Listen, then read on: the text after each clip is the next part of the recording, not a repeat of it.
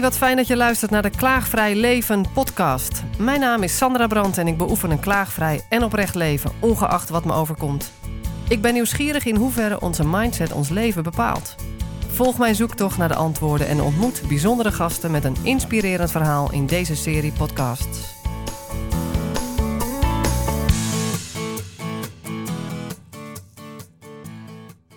Ik ben Marieke van Voren en uh, sinds kort ben ik uh, auteur van een boek, Heel de Organisatie. En daar gaan we het vandaag over hebben. Wat heerlijk. Ook Ja. een auteur. Heel de organisatie. Het is wel een, eh, een multi-term, zeg maar. Want je kan hem op verschillende manieren interpreteren. Dat klopt, ja. Ja, ik hou van taal, dus ook de betekenis van taal en de dubbele te- betekenis van taal. Dus de, de titel is niet voor niets zo gekozen dat hij meerdere betekenissen heeft. Ja, kun je al met de titel beginnen?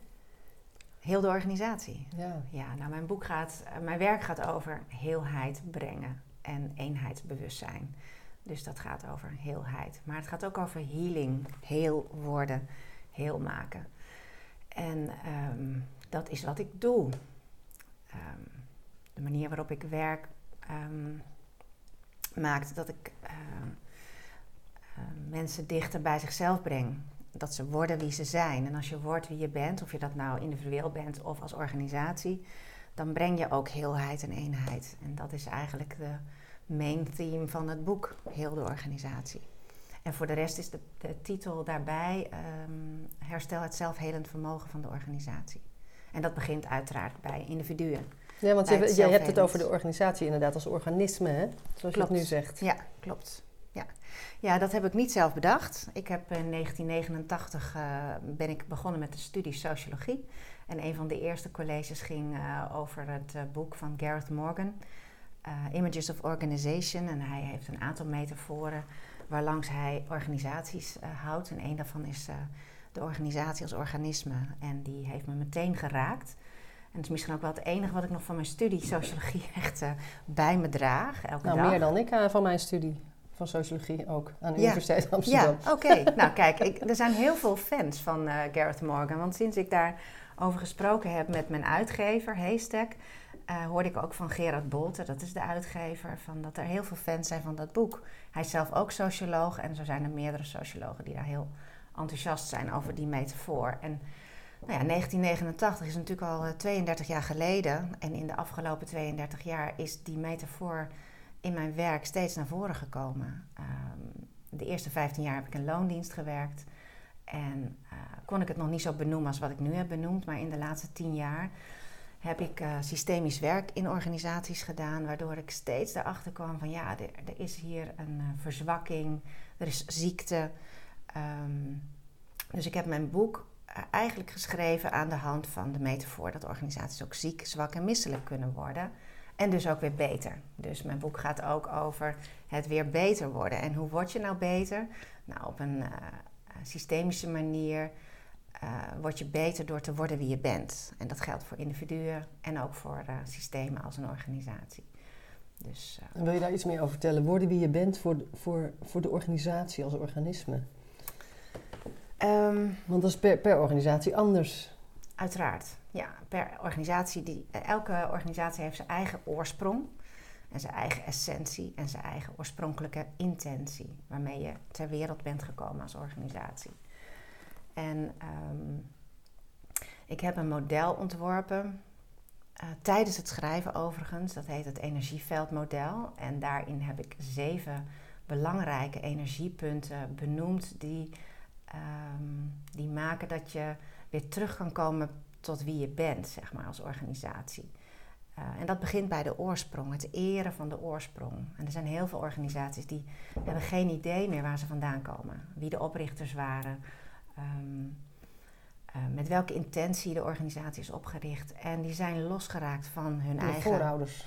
De voorouders van de organisatie, ja, zeker. De oprichters, maar ook alle eh, leiders die ervoor zijn geweest, alle medewerkers, de, de, de professionals, de business partners. En die werden vroeger natuurlijk nog niet zo genoemd, maar al die mensen die de organisatie hebben gemaakt tot wat hij nu is, ehm, hebben hun legacy eh, bij het maken en creëren van, van de organisatie. En eh, veel organisaties zijn nu heel erg gericht op wat er van buiten afkomt. Allerlei wet en regelgeving. Ehm, in de zorg heb je natuurlijk ook verzekeraars die uh, een flinke duit in het zakje doen. Um, en die maken dat heel veel uh, organisaties ver, verwijderd zijn geraakt van hun essentie.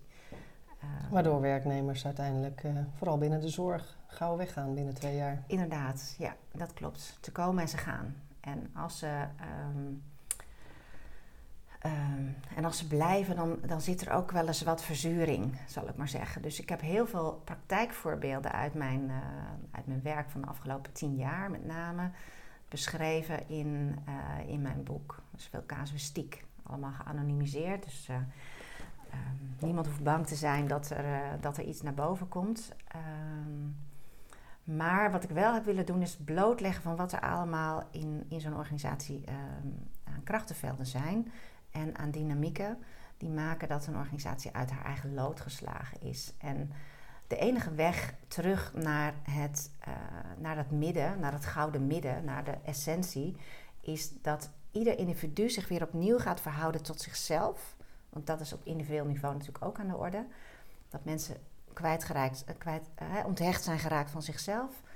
En op um, collectief niveau is dat ook zo. En het enige wat echt helpt, echt de enige remedie die er is, is dat je je bewust wordt van hoe verre, in, in hoeverre je onthecht bent geraakt van, uh, van jezelf en de organisatie ook. Nou, en dat heb ik aangetoond met uh, tien jaar lang, elf jaar lang systemisch werk in organisaties. Waarbij ik uh, teamopstellingen, organisatieopstellingen heb gedaan en ook steeds de essentie heb opgesteld. En daarin kwam ik erachter dat de essentie, de ziel, zeg maar, de, de, um, de ziel van de organisatie, die lag vaak op de grond of stond bij de deur van mag ik eruit. Hè, gerepresenteerd door um, mensen die in zo'n organisatieopstelling staan. Dus die, dat bewustzijn maakt al van hé, hey, wacht eens even, we denken wel dat we het zo goed doen met al onze beste bedoelingen. Maar uh, kijk eens wat er in de realiteit eigenlijk aan de hand is. En dat we met de beste bedoelingen de essentie eigenlijk in de hoek gedreven hebben of op de grond hebben neergelegd. En um, en dan zie je ook bondjesvorming en je ziet mensen die uh, eenzaam in hun eentje, uh, als roepende in de woestijn, in zo'n opstelling staan. En, en, mensen die dan uh, bij zo'n opstelling aanwezig zijn, die, die herkennen dat ook. Dus de herkenning van de situatie maakt dat je je bewust wordt van oké, het moet anders. Nou, en, en met zo'n opstelling ga ik dan altijd aan de slag, zodat er ook um, beweging komt. Er komt ordening, een nieuwe ordening. Uh, systemisch werk gaat ook over ordening. En als je dan die ordening weer herstelt in zo'n opstelling, dan komt er ook een zielsbeweging. Enerzijds op individueel niveau en anderzijds op dat collectieve niveau. En daardoor kun je toch zorgen dat er heling en heelwording, heelheid ontstaat. En wat gebeurt er dan concreet in de praktijk na zo'n opstellingssessie? Wat zie je veranderen? Um, nou, van alles. In, op individueel niveau gebeurt er heel veel. Ik heb, uh, voordat ik aan dit boek begon, heb ik uh, 55 uh, klanten en cliënten opnieuw geïnterviewd. Van hè, wat heeft deze opstelling nu een jaar na dato, drie jaar na dato, vijf jaar na dato allemaal bereikt? Nou, en wat je ziet is dat mensen veel beter um, uh, zich realiseren wie ze zijn, veel beter hun grenzen kunnen aan, aanvoelen. Wacht eens even, we zijn met de verkeerde dingen bezig. Of nu wordt er iets op mijn bordje gelegd, een bepaalde verantwoordelijkheid die niet van mij is, maar van mijn leidinggevende of van mijn collega's of iets dergelijks. Want er zit een enorme vervorming van loyaliteit in. Uh, uh, bij heel veel mensen eigenlijk. Ik denk bij iedereen. Iedereen wil goed doen. En iedereen wil gaten vullen. Gaten die een ander laat vallen. En vanuit de beste bedoelingen ga je dan in zo'n gat springen. En op die manier neem je uiteindelijk te veel hooi op je vork en word je ziek misschien. Tenminste, ik denk aan mijn eigen tijd op de intensive care... dat ik veel te veel uh, naar me toe trok van uh, gemeenschappelijke taken, zeg maar. Ja, dat, uh, dat klopt. Je kunt ziek worden, je kunt overspannen worden... je kunt in, in overwerk um, je verzanden. Ja. Um, er kan van alles gebeuren. Er zijn ook mensen die gewoon afhaken. Hè? Dus er zijn allerlei vervormingen van loyaliteit... Uh, die kunnen gebeuren op het moment dat jij voelt dat er iets nodig is. En uh, als je niet bewust bent, dan komt dat woord bewustzijn weer. Als je je bewust, wel bewust bent dan ga je stoppen met die gaten vullen. En dan ga je uh, veel beter aanvoelen wat is van mij, wat is niet van mij. En dat gaat op taakniveau, maar dat gaat ook op het, um, het verantwoordelijkheidsgevoel. Mhm. En waar Ja, ben en je bang zijn voor oordelen van anderen. Ja, absoluut. Ja, ja, Want als je niet dat werk overneemt, eh, wat, wat gebeurt er dan? ja. Ja, nou ja, je vroeg net wat concreet gebeurt er. En concreet is echt dat mensen zich veel beter realiseren van wie ben ik nou eigenlijk? Wat ik, heb ik hier te doen? Wat is mijn plek in het geheel? Hmm. En eh, wat is mijn taak? En wat is mijn taak vooral niet? Wat moet ik aan een ander overlaten? Dus op het moment, en ik zeg dat ook wel eens, soms is het het beste voor het hele systeem en ook uit liefde voor het geheel om een ander liefdevol te laten struikelen. In plaats van dat jij die gaten gaat opvullen, want dat is niet liefdevol. Da- Daarmee maak je dat een ander juist de verantwoordelijkheid niet neemt. En dan hou je in stand wat je niet zou willen. En, ehm, en dat, komt voor een, dat is een van de uitkomsten uit eh, al die 55 interviews. Dat op het moment dat, dat, dat je je daar wel van bewust wordt, en niet alleen jij in je eentje, maar je hele team, dan word je als team veel sterker. En kun je dus ook veel beter weer die vervormingen van loyaliteit met andere teams. Hè? In een groter geheel kun je beter aan. En uiteindelijk de hele organisatie. eh, Ja, daarin heb je heel veel impact. Ja. inderdaad. Ja, dat is een heel mooie olievlekwerking kun je dan creëren. Ja, ik, ik moet Ja. even denken aan, nou, je, je kan wel stoppen dan met die gaten te vullen, maar dan heb je iets anders te doen. Want bijvoorbeeld in de zorg, als ik denk aan mijn vroeger werk op de intensive care, eh, als ik het niet deed, ja, eh, wat dan? Ik kan het ook niet zomaar denken, ik laat de ander struikelen, want we hebben hier te maken met... Ja, dat gaat Afhankelijke patiënten. Ja, dat is Alleen, inderdaad wel... ehm, eh, dan had ik het niet zo moeten doen, eh, maar dan had ik het moeten zeggen. En dat deed ik natuurlijk niet, want dat was te spannend. Want ja, ik was nog in opleiding en later toen ik Ja. klaar was, ja, je bent nog maar net klaar. Allemaal stemmetjes in mijn eigen hoofd. Eh, en daardoor ging ik het dan maar overnemen. Ja. Ehm, dus, dus het niet overnemen van andermans taken mhm. betekent dat je iets anders moet doen met het ongemak wat je merkt. Of dat je ziet van, hé, hey, die patiënt heeft wel die zorg nu nodig. Dat is mijn mening. Ja. Eh, kun, kun, je daar, kun je daar iets mee? Nou, dat kon ik niet. Nee. Nou, ik begrijp heel goed wat je zegt. En dat valt ook in dat energieveldmodel. Is, eh, is een van de punten dat je veel authentieker wordt. En dus veel makkelijker bij je innerlijke autoriteit komt. En als je bij je innerlijke autoriteit komt, dan ga je je uitspreken. Dan ga je niet meer inhouden. Dan ga je wel zeggen. En dan ga je niet alleen voelen wat je grens is, maar dan ga je daar ook aan eh, beantwoorden in, je, in woord en geschrift, om het zo maar te zeggen. En dan maak je dus dat systeem van binnenuit gezond. Hè, dan heb je niet een extern iemand voor nodig, dan doe je dat van binnenuit.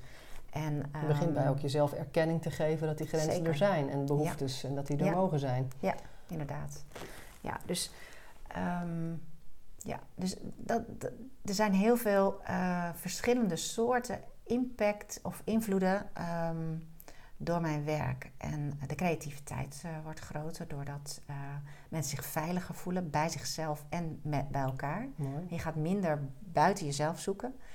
Eh, je gaat meer manifesteren. Je realiseert je van, oh, deze regels die hebben we zelf bedacht. Eh, laten we die eens, zullen we die eens loslaten? Of zullen we eens burgerlijker ongehoorzaam zijn? Omdat we namelijk de essentie van deze organisatie op, op één zetten. En niet de regels die we door een ander krijgen opgelegd. Dus je krijgt meer een gezamenlijkheidsgevoel. Je wordt milder naar jezelf. Je wordt milder naar de ander. Er ontstaat een hele andere dynamiek en beweging.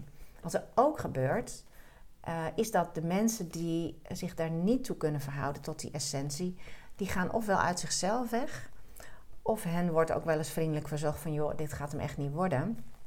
Eh, wil je alsjeblieft eh, gaan? En meestal gaat dat natuurlijk niet op die vriendelijke manier. Maar er, er, is dus een, een beweging ook van binnen naar buiten en van buiten naar binnen. Wat ook gebeurt, dat in organisaties waar ik een systemische opstelling of een hele, heel traject heb gedaan. En dat wordt niet opgepakt door de opdrachtgever. Omdat ze denken, ja, maar daar ga ik niet aan beginnen. Ik ga niet mijn verantwoordelijkheid als leider nemen hierin. Eh, en het hele team heeft het gezien wat er gebeurde. Dan stappen de, de beste mensen stappen weg. Dat is het, eh, dat is het andere effect wat, eh, wat heel erg naar boven komt. En, Dat kan ik me goed voorstellen, ja. ja, ja want na zo'n, na zo'n systemisch traject gaan mensen, die komen zo dicht bij zichzelf dat ze niet anders kunnen dan ook daar eh, naar gaan handelen. En eh, dus het betekent of eh, ik ga eruit, want deze narcistische leider, deze blinde leider blijft zitten en blijft doen wat hij altijd al deed. Of het wordt juist meer heel en, ehm, en daardoor krijg je meer cohesie en uh, samenwerking en, en, natuurlijk blijere klanten, uh, cliënten, patiënten, Mhm. omdat je veel meer een eenheid bent. Ja. En, ehm, Hangt dat echt af van de leider, denk je? Uh, de leider heeft, uh, niet alleen van de leider overigens, uh, uiteraard, maar um, de leider heeft wel de meeste macht. En als je um, als team tegen de bierkaai moet vechten, ja, dan um, dat wordt lastig. Mhm. Dus ik zou willen zeggen dat je, het gaat altijd over je persoonlijk leiderschap, maar de leider op de stoel van de, van de manager of de directeur, die heeft meer uh, te zeggen. Dus als het uh, voor jou een, een, strijd blijft tegen de bierkaai, uh, ja, dan houdt het op. Dan houdt het echt op. Dan is er ergens ja. anders een pad voor jou. Ja, er zijn heel veel mensen ook die, um, die uit zo'n traject uh, uiteindelijk voor zichzelf zijn begonnen, heel succesvol. Of een baan hebben gevonden bij een organisatie waar ze wel welkom waren. Hè, want dat is ook een heel belangrijk aspect. Van, zijn we hier welkom met z'n allen? Um, worden we allemaal gezien? Worden we allemaal geïncludeerd in het grotere geheel? Of zijn er mensen die wat meer uh, voordeeltjes krijgen en anderen die het zwarte schaap zijn van het team? Want dat past niet binnen een hele organisatie. Een organisatie die heelheid nastreeft. Dus, um, je hebt het volgens mij in je boek ook over uh, dat je vanuit ziektebeelden naar de organisatie kijkt. Klopt, Hè? Kun je ja. daar een voorbeeld van, uh, van geven? Ja, Zeker. Ik heb um, een aantal medisch specialisten, huisartsen en bedrijfsartsen gesproken in het voorwerk van mijn boek. Um, en daarin heb ik onder andere um, uh, een, uh, een, cardioloog gesproken over het hartfalen van organisaties, wanneer ze uh, dubbelhartig zijn, een, een, dubbele agenda hebben. dan, dan, ja, dan wordt het minder. Dan wordt het dan, dan verzwakt de hele organisatie. Dan, uh, dan verhoogt of dan verlaagt de bloeddruk zodanig dat... Uh, de vitaliteit die dat, ja, precies. gaat ten onder. Ja, die gaat dan ten onder. Um, ik heb ook gesproken met een gynaecologe. Uh, zij vertelde me over hoe mensen worden geboren, uiteraard. En dat dat vroeger vanuit de oermoeder ging. En dat er ergens zo'n twee eeuwen geleden er kwam er een verlosstang bij en er kwam, uh, kwamen allerlei attributen bij. En ook um, mannelijke uh, gynaecologen deden zo in de intreden. En mannelijke aspecten. Nou, dat zie je natuurlijk ook in organisaties. Dat die hele uh, die heelheid is, is een hele ja, vrouwelijke en mannelijke in balans situatie. Maar op het moment dat de mannelijke krachten de overhand nemen en de zaak wordt gerationaliseerd dan uh, komt er een soort van wil die opgedrongen wordt. En um, dan raakt zo'n heel systeem uit, uh, uit balans. We hebben het niet per se over mannen, maar over de mannelijke energie. De mannelijke energie, ja. ja. En ik heb het niet specifiek over mannen. Maar um, ja, dus uh, het is belangrijk voor een organisatie om het mannelijke en het vrouwelijke... en dan heb ik het inderdaad niet over mannen en vrouwen... maar dat je als mens in balans bent, maar ook als organisatie in balans bent. Als je het ook al als organisme ziet en organisch, dan ja, is dat natuurlijk niet star en uh, nee. recht op je doel af. Uh, nee. Niet alleen de mannelijke kant. Dan nee. kun je niet overleven. Nee, het vrouwelijke, uh, de, de, veilige bedding die het vrouwelijke biedt en de mannelijke daadkracht, die kunnen samen bergen verzetten, zeg maar. En dat zijn ook belangrijke aspecten uit. Want alleen de vrouwelijke energie is waarschijnlijk ook niet gezond nee. voor een organisatie. Nee, nee, zeker Kom je niet. misschien ook nergens? Dan kom je ook nergens, nee. Nee, zeker niet. Je hebt het mannelijke en het vrouwelijke nodig. En naast dat uh, energieveldenmodel heb ik ook een veerkrachtmodel gemaakt uh, voor mijn boek. En daarin heb ik een hexagram uh, gebruikt. zes punten. twee driehoeken. De, de een staat rechtop en de ander naar beneden. Dat is het mannelijke en het vrouwelijke. En in het midden van die zes punten zit de essentie van de organisatie. Dus wanneer die zes punten met elkaar in coherentie zijn, dan uh, krijg je een, een hartcoherentie die maakt dat de organisatie klopt met een kloppend hart. En, uh, en als dat hart gezond klopt, dan krijg je heel veel impact. Dan heb je heel veel vitaliteit, dan ben je veerkrachtig, dan kun je ook bergen verzetten. En um, op, op dit moment ben ik uh, lichtende voorbeelden aan het interviewen. Dus er komt misschien een tweede boek aan. Ehm, dat zijn leiders in organisaties die zonder mijn interventie heel goed leiderschap tonen. En dat is heel inspirerend om ze te interviewen aan de hand van die, die uh, zeven energievelden en, die, uh, en dat veerkrachtmodel. Om te zien hoe doen ze dat nou. En op het moment dat zij zeg maar, als leider in balans zijn, als bestuurder van een ziekenhuis of de bestuurder van een HBO-instelling of uh, van een ouderenzorginstelling. En ik heb ook vorige week een bestuurder van een zorgverzekeraar gesproken. Op het moment dat zij in balans zijn, kunnen zij heel, een, een heel gezonde organisatie creëren. Doordat ze heel goed weten hoe ze dat moeten aansturen op die zes punten. En op die zes punten staan enerzijds de holistische leiders, de, de inspirerende leiders met overzicht en inzicht. En anderzijds heb je de uh, heel kundige managers. Dat zijn de managers die heel goed in staat zijn om in te grijpen, um, beweging in te zetten. Um, dingen wel of niet te doen. Uh, en die uh, werken uiteraard heel erg samen met de holistische leiders. Soms, of misschien wel heel vaak, zijn ook die holistische leiders en die heelkundige managers samen in één. Hè? Dus dat is ook ehm, heel belangrijk om als holistisch leider te kunnen doorpakken. En als ehm, heelkundig manager ook het grotere geheel te kunnen overzien. Wat ook heel belangrijk is in dat ehm, veerkrachtmodel zijn de uh, zelfbewuste beroepskrachten. Uh, dat zijn eigenlijk de klanten samen met de externe klanten. Dus ik heb twee soorten klanten in mijn model. Dat zijn de interne klanten, de beroepskrachten die het product maken of de dienstverlening creëren die er te, geven is in een ziekenhuis of in een zorginstelling. Uh, ik bedoel een, een, een onderwijsinstelling of een koekjesfabriek. Het maakt niet uit. Het eren van de beroepskrachten is een ongelooflijk belangrijk aspect. De interne klant. De interne klant, inderdaad. En de externe klant is natuurlijk de, de klant die het bestaansrecht van een organisatie continu bevestigt. Want zonder externe klanten heb je geen uh, bestaansrecht van een organisatie. Dat is, dat is, een, ja, dat is 1 en 1 is 2.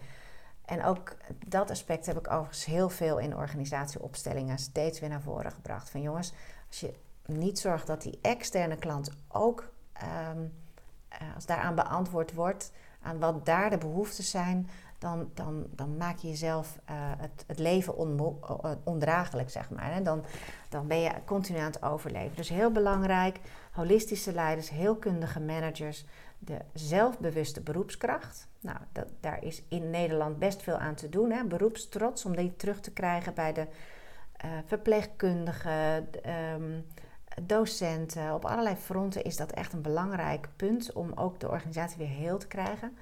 Betrokken klanten.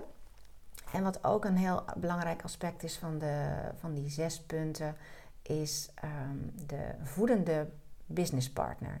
Die zitten onder in het systeem, in, het, in mijn uh, hexagram.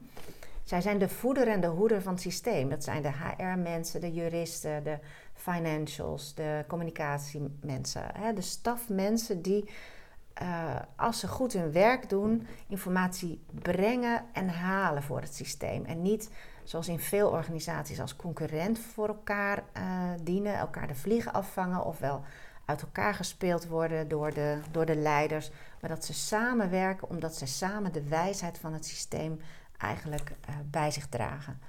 En als zij, dat, als zij die rol, die voedende, hoedende rol op zich pakken, dan kunnen ze dat hele systeem, het immuunsysteem van, uh, van de organisatie versterken. Nou, dat is heel belangrijk.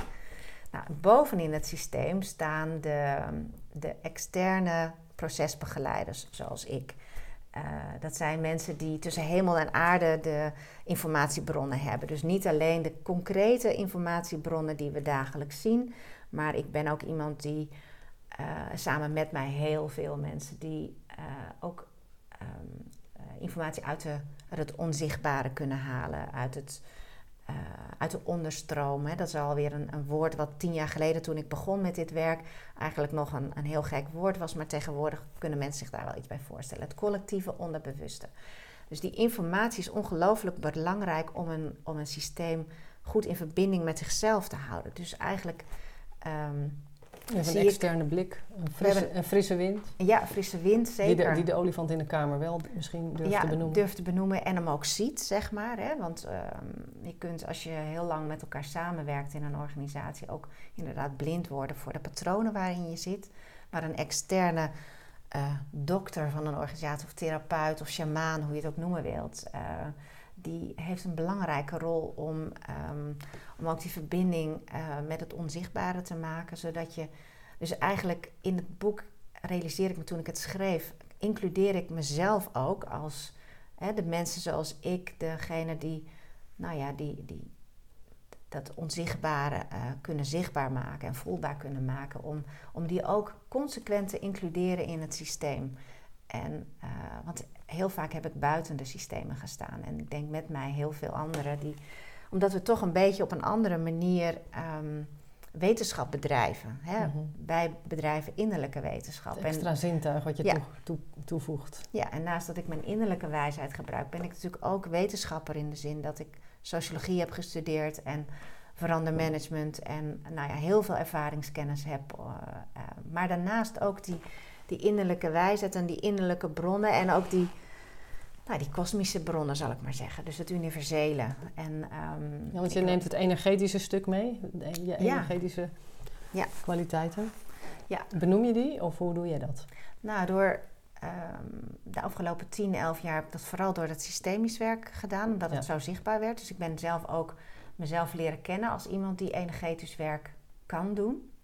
Als je me dat een jaar of 15 geleden zou hebben gezegd, zou ik denken, nou, kom je erbij? Ik ben toch uh, hè, academisch opgeleid en... Uh, de mannelijke kant? Ja, ik was veel meer mannelijk en nu heb ik dat mannelijke en het vrouwelijke veel meer in mezelf ge ge geïntegreerd.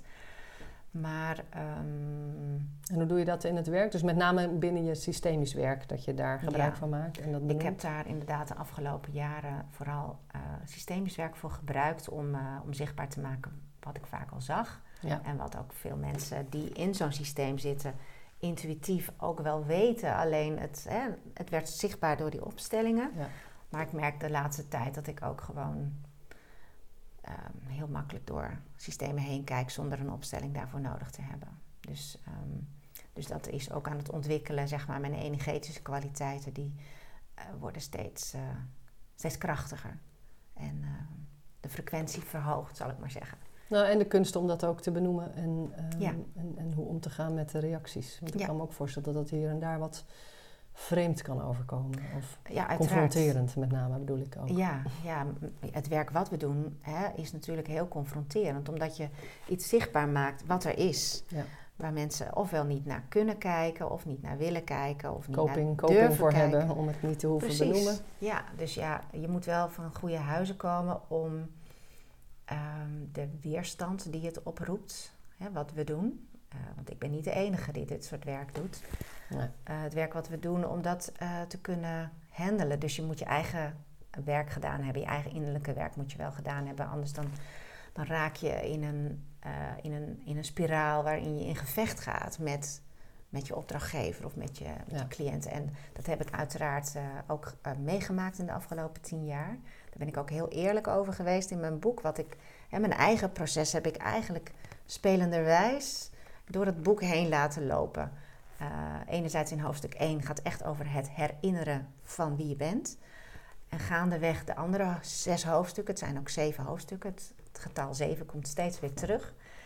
Um, dus steeds in al die andere hoofdstukken heb ik ook steeds iets van mezelf meegegeven van het is een proces waar je als persoon doorheen moet om ook een organisatie in haar heelheid te kunnen uh, begeleiden. Dus je, uh, het omarmen van wie je bent, uh, met je schaduwkanten en je lichtkanten. Dus met je grootsheid, maar ook met je humbleness, je bescheidenheid, um, je nederigheid bedoel ik. Um, dat is heel belangrijk om ja, dit en, werk te en belangrijk doen. om dat ook te delen. Want volgens mij Ja. was dat laatst ergens dat het mooi is als we elkaars processen kunnen volgen. In plaats van dat je alleen je eindresultaat laat zien. Uiteraard, ja. Uiteindelijk hebben we daar veel meer aan met elkaar. Ja, nou dat, dat klopt. Ik, uh, dat heb ik ook echt in dat boek uh, verweven. Omdat uh, practice what you preach is wel belangrijk in dit werk. Want als je niet geloofwaardig bent, ja, dan, dan, kan, je, dan kan, je, kan je wel inpakken. Ja. Want het is zo subtiel, het is zo fragiel. Het, het snijvlak waarop je werkt als je dat energetische werk in zo'n groot systeem doet. Het, uh, je moet zelf heel. Ja, geloof, en geloofwaardig word je als je, je congruent bent. Ja, precies. Ja. En ik, ik, moet even denken aan een, uh, een post die je hebt gemaakt over gaslighting in organisaties. Wil je mm. daar iets over vertellen? Over wat het is en hoe je dat gebruikt in je boek? Doe je daar iets mee? Um, ja, ik heb het onderliggend lijden van organisaties beschreven. En eigenlijk gaandeweg het schrijven van mijn boek afgelopen zomer was dat met name. Toen kwam ik erachter. Oh, wacht even. Die, ik heb heel veel in, in zieke, verzwakte organisaties gewerkt. die uh, ofwel in het verleden dan wel in het heden worden uh, geleid door uh, mensen die, hè, leiders die verblind zijn. Um, en soms ook in meer, min of meerdere mate narcistische trekken hebben, zeg maar. Dus ik heb heel veel gewerkt in, in teams en organisaties, zowel op operationeel, tactisch, strategisch niveau. Um, waarbij er uh, verdeel en heers was geweest. Um, waarbij de bondjesvorming is ontstaan. Waarbij er mensen uh, hun eigen ding zijn gaan doen in hun eigen hoekje of in hun eigen hokje.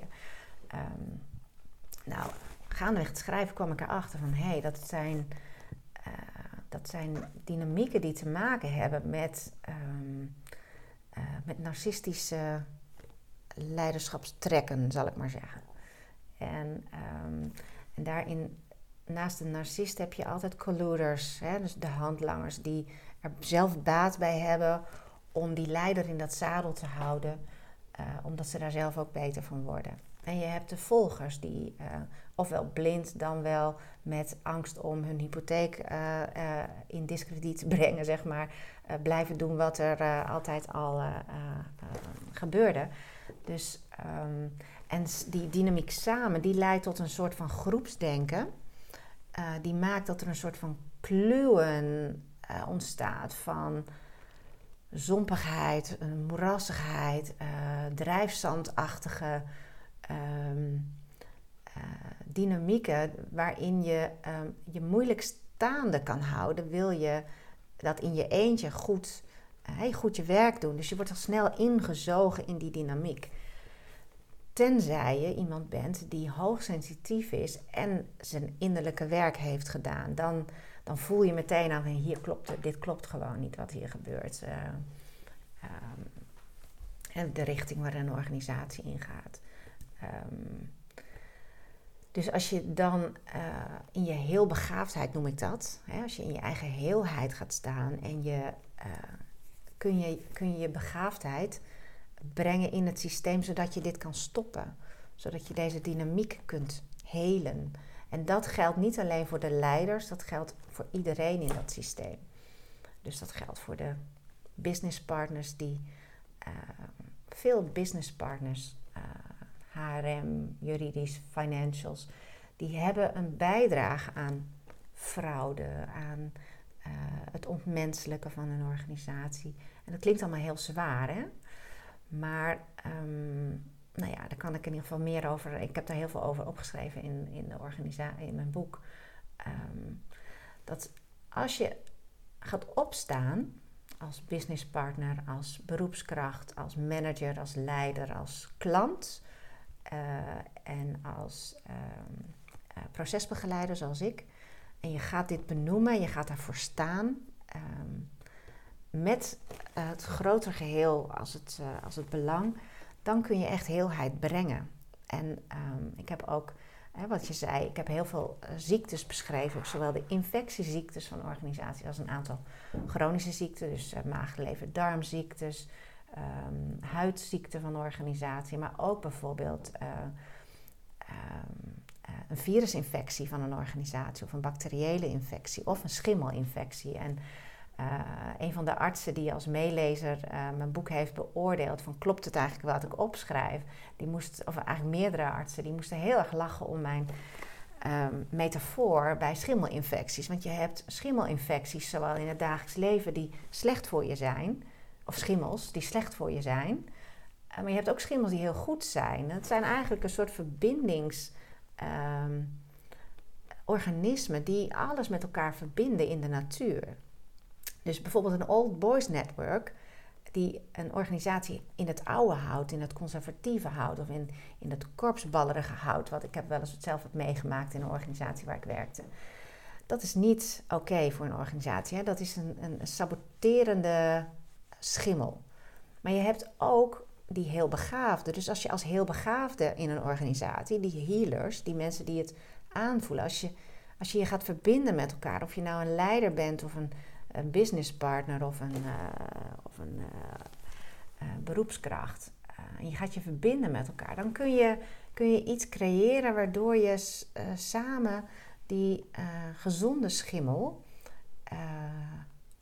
in, in, in, in een organisatie kan brengen, waardoor er langzamerhand die gezondheid ontstaat, die verbindingjes, die, die nieuwe zuurstof, die nou, die nieuwe sprankeling gaat ontstaan. Dus, en het oude wordt afgebroken. En dan wordt het oude ook afgebroken, inderdaad. Ja, ja precies. Ja, dat, het, dat wat, is ook weer heel mooi. wat weer voeding zou kunnen zijn. Ja, ja. nou ja, ik heb ook uh, bijvoorbeeld de necrose uh, beschreven. Uh, je hebt veel organisaties die doodsheid in zich hebben. En een van de bedrijfsartsen die ik sprak van tevoren, die, die gaf ook aan van ja, um, hij werkt veel in rijksoverheidsinstellingen, dat er heel veel bloedeloosheid is ontstaan uh, in de organisaties waar hij uh, voor werkte.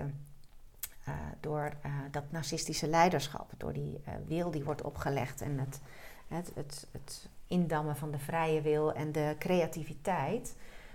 dus heel veel doodsheid. En die doodsheid, die zorgt, dat is ook een soort infectie. Dat is ook een soort iets wat. Hè, necrose kan ook groter en, en, sterker worden, waardoor hele delen van een organisatie afsterven of op sterven naar dood uh, gaan. Nou, dat is heel ongezond, uiteraard. Maar op het moment dat je dat gaat, ofwel op een, um, een goede manier gaat um, uh, doorbreken, dan wel op een kwaadschikse of meer, ja, minder positieve manier, zeg maar. en mensen wegstuurt die niet willen en niet kunnen. Want dat is mensen die niet willen en niet kunnen, die, die zorgen eigenlijk voor die necrose daar. Dat er een soort van stilstand ontstaat. Een soort. Necrose is een ander woord voor afgestorven weefsel. Oh ja, dat, sorry, ja, sorry dat, uh, dat had ik even moeten zeggen, inderdaad. Dat beschrijf ik natuurlijk allemaal heel helder in mijn boek.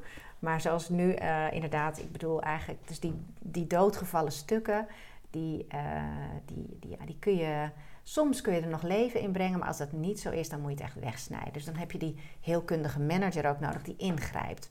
Want in heel veel organisaties wordt ook niet ingegrepen. En, uh, en, ook uit loyaliteit waarschijnlijk. Ja, uit angst denk ik ook. Uh, maar ja, loyaliteit komt vaak ook vanuit angst ja, misschien. Hebt gelijk. Ja, je hebt gelijk. Ja, ja. Omdat ik dingen ging overnemen van mhm. anderen, was omdat ik eigenlijk ook bang was om het gewoon eigenlijk gewoon te zeggen. Dus het was ook vanuit angst. Ja. Ging ik dingen op me nemen. Of dat je niet durft echt voor je centrum te gaan staan. Voor je plek. Je echt je plek te nemen die voor jou er is. Ja, er zijn eigenlijk twee bewegingen. Je hebt angst en je hebt liefde. En als je uit liefde voor het grotere geheel gaat staan, dan, en, je, en, en je houdt van jezelf en je hebt jezelf omarmd en je bent geworden wie je bent, of je bent onderweg naar wie je bent. Ja, want wanneer ben je daar eigenlijk? Eh, dat kan wel even duren. Maar als je onderweg bent naar jezelf, dan ga je dus met liefde voor jezelf en het grotere geheel ga je En dat betekent niet dat je alles maar goed vindt. Nee, je gaat juist grenzen stellen aan datgene wat niet meer oké is. En je gaat ja zeggen tegen datgene waar je wel voor, uh, wat, wel, wat wel bijdraagt. Dus angst en liefde, het is heel mooi dat je dat inbrengt. Dat is heel belangrijk in dit, uh, in dit verhaal. Dat je langzamerhand uit je eigen existentiële angst stapt en gaat staan voor wie jij bent. En als jij dat, en als iedereen dat doet in een organisatie en in een samenleving, dan creëer je een hele andere wereld. Dan creëer je hele andere verbindingen. En ja, um, en ja dan, uh, Open dan wordt het mooi. Ja. Ja. Um, nou had ik het woordje gaslighting genoemd en jij ging verder oh door over uh, narcistische, ja. narcistische leiderschap. Maar kun je even uitleggen wat dat gaslighting betekent? Ergens trof mij een uitspraak die je deed op LinkedIn en ik heb hem niet meer scherp. Uh, gaslighting is, is, is, een, uh, daarom begon ik er ook over. gaslighting is een manier van doen, een manier van communiceren die we veelal zien bij narcisten. Um, um, En dat is een, is een manier van communiceren die continu verwarring schept. Dus enerzijds um, probeer je mensen te paaien. en als je ze gepaaid hebt, dan, dan, dan breek je ze weer af. En dat is wel zwaar gezegd, maar je hebt natuurlijk gaslighting in meerdere gradaties. Maar je brengt mensen continu in een staat van verwarring, waardoor ze eigenlijk uh, buiten zichzelf raken. Uh, en niet meer weten van ben ik nou gek? Als je, als je het gevoel hebt van ben ik nou gek? Dan zit je in een soort dynamiek die te maken zou kunnen hebben met uh, narcisme en gaslighting. En ehm, dus op het moment dat je. Een controlemiddel eigenlijk. Ja, dat is een controlemiddel om mensen. als je continu mensen in verwarring brengt, dan kun je ze aan je binden. Dus ze komen in een soort van Stockholm-syndroom. Ze, ze, ze, willen aan jouw uh, leiderschap beantwoorden, want dan is het goed. Maar wanneer is het goed? Het is voor een, een narcist is het nooit goed genoeg. Het is, nooit af. Het is bijna de, uh, hoe heet dat, de eenarmige bandiet, de, de cashmachine waar je af en toe een muntje in gooit en, uh, en dan eens in de zoveel tijd misschien een keer een goedkeuring krijgt omdat je het hebt over afwisseling tussen paaien en weer uh, afbreken. Ja. Uh, ja. Toch weer de hoop op dat het ook weer een keer goed kan zijn. Maar je legt eigenlijk helemaal de erkenning voor wie jij bent in de handen van iemand die jou ook continu aan het afbreken is. Ja. Met zo nu en dan een erkenning. Ja, daar doet nou, het mij aan denken. Ja, dat is wel een. Uh, en dat is ook een soort verslavend gebeuren dan. Ja, dat is een soort verslaving. Want, je want als je daaruit zou stappen, dan moet je echt op eigen benen gaan staan en echt met jezelf aan de slag. En, en zelf die erkenning aan jezelf gaan geven. Ja, daar gaat het inderdaad om. Dat je uit de, uh, de wens uh, door een ander erkend te worden gaat stappen, inderdaad. En ik sprak een tijdje geleden iemand die werkte bij zo'n heel bekend groot uh, consultancy concern. En ze zei van. Um, ieder jaar kreeg ik een, uh, kreeg ik een, uh, een, opdracht mee om nog meer uh, declarabel te zijn, maar ook meer te publiceren. Dus nou, dan, dan ging ik en me meer publiceren en meer uren schrijven. En dan was het weer niet goed genoeg. Dus elk jaar was het niet goed genoeg. Ja. Als je het gevoel hebt, ik ben nooit goed genoeg, ik doe het nooit goed genoeg. Of hé, hey, krijg ik nou, dat heb ik zelf bijvoorbeeld meegemaakt toen ik nog in loondienst was dat ik heel vaak te horen kreeg: ja, jij, uh, jij bent helemaal niet sensitief. Je, bent, je kunt niet dit, je kunt niet dat. En dan dacht ik van, hè, gaat dit over mij? Dat je het gevoel hebt van, ben ik nou gek? En pas eigenlijk recent, de laatste anderhalf, twee jaar, realiseer ik me dat ik veel met, uh, in, ook als, als, als um, uh, iemand in loondienst, zeg maar, te maken heb gehad met, met leiders, die, uh, leidinggevenden, die die mij in een bepaalde hoek wilde duwen. En ik was toen nog niet bewust van mezelf. En ik liet me dan ook in zo'n hoek drukken. En uh, waardoor je uh, heel onzeker wordt van, klopt het nou? En, en tegelijkertijd voelde ik altijd van, ja, maar ik zie, het, ik zie wel het grotere geheel. Ik, ik kan dingen wel aan elkaar verbinden, maar zij zien het niet. Dus bij mij zat er altijd een soort... Dat is ook verwarrend, hè? Het is heel verwarrend. Enerzijds denk je van, ik snap het eigenlijk beter dan jullie allemaal bij elkaar. En tegelijkertijd word je door je leidinggevende en door je interne klanten die daar ook wat over mochten zeggen. En je innerlijke criticus, vergeet die niet. Ja, nou ja, die, uh, die heb ik natuurlijk uh, heel sterk. Dan word je klein gehouden, of laat je klein houden, waardoor je helemaal in verwarring bent, terwijl je zo goed voelt wat er aan de hand is. Enes, ja, maar ik wist nog niet dat ik goed voelde dat er. Hè, dus dat speelt dan mee. Op het moment dat je je realiseert van ik kan wel op, op mijn eigen uh, intuïtie vertrouwen. Ja, en op wat ik zie en wat ik weet. Maar dat is een heel proces geweest bij mij. En daar heeft dat systemisch werk en allerlei andere energetische uh, opleidingen en cursussen en, en, en workshops en, en, en, weekenden en zo hebben daarbij geholpen. Om steeds beter te vertrouwen op dat mijn gevoel wel klopt. En, uh, en dat proces begeleid ik ook individueel bij mensen. want ik weet donders goed hoe het voelt om niet geloofd te worden of om niet gezien te worden. En, uh, en ook het, tegenovergestelde steeds als feedback te krijgen. Uh, en dat is dus die gaslighting. Ja, dat je continu die, in die verwarring zit. Nou, en, en, daar ben ik gelukkig nu aan voorbij.